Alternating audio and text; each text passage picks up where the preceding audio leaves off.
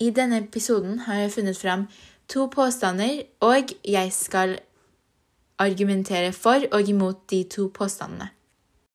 Den første påstanden er at det er usunt å være veganer. Hvis man ikke spiser matprodukter av dyr, kan man ikke få i seg næringen man trenger fra de produktene. Denne påstanden er feil, fordi man må ikke spise animalske produkter for å få i seg næringen man trenger fra dem. Man kan ta kosttilskudd og kan spise veganske erstatninger. Noen erstatninger man kan spise for å få i seg protein, som er da det de fleste veganere mangler, kan være seitan, som er kyllingaktig deig lagd av mel, vann og krydder, tofu, bønner, det er mange typer, og andre matprodukter. Så man har muligheten å få i seg næringen man trenger, selv på et vegansk kosthold. Og siden mange har begynt å tilpasse et vegansk kosthold, har det vært lagd erstatninger for meieriprodukter, som melk laget av nøtter og sånne ting, ost som er vegansk, egg og kjøtt. I motsetning til det er påstanden også ganske sant. Når man tilpasser seg et vegansk kosthold, er det mange viktige næringsstoffer man ikke får i seg, som bl.a.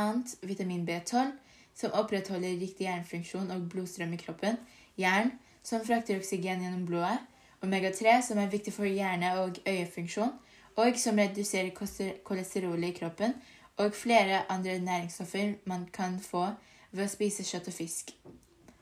Man kan også mangle protein, som kan forårsake stans vekst hos barn.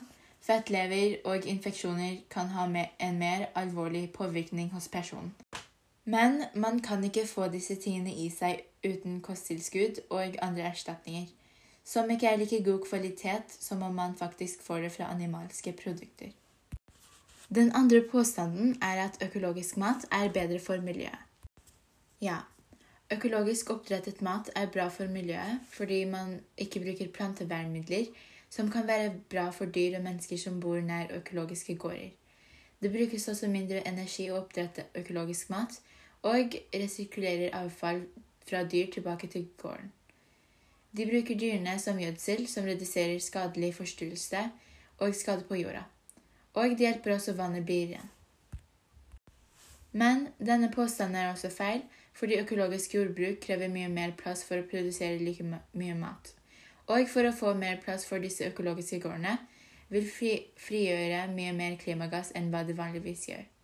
Det koster også mer å oppdrette økologisk mat, fordi det krever mer arbeidskraft, og de produserer ikke nok av hver produkt for å selge det billig.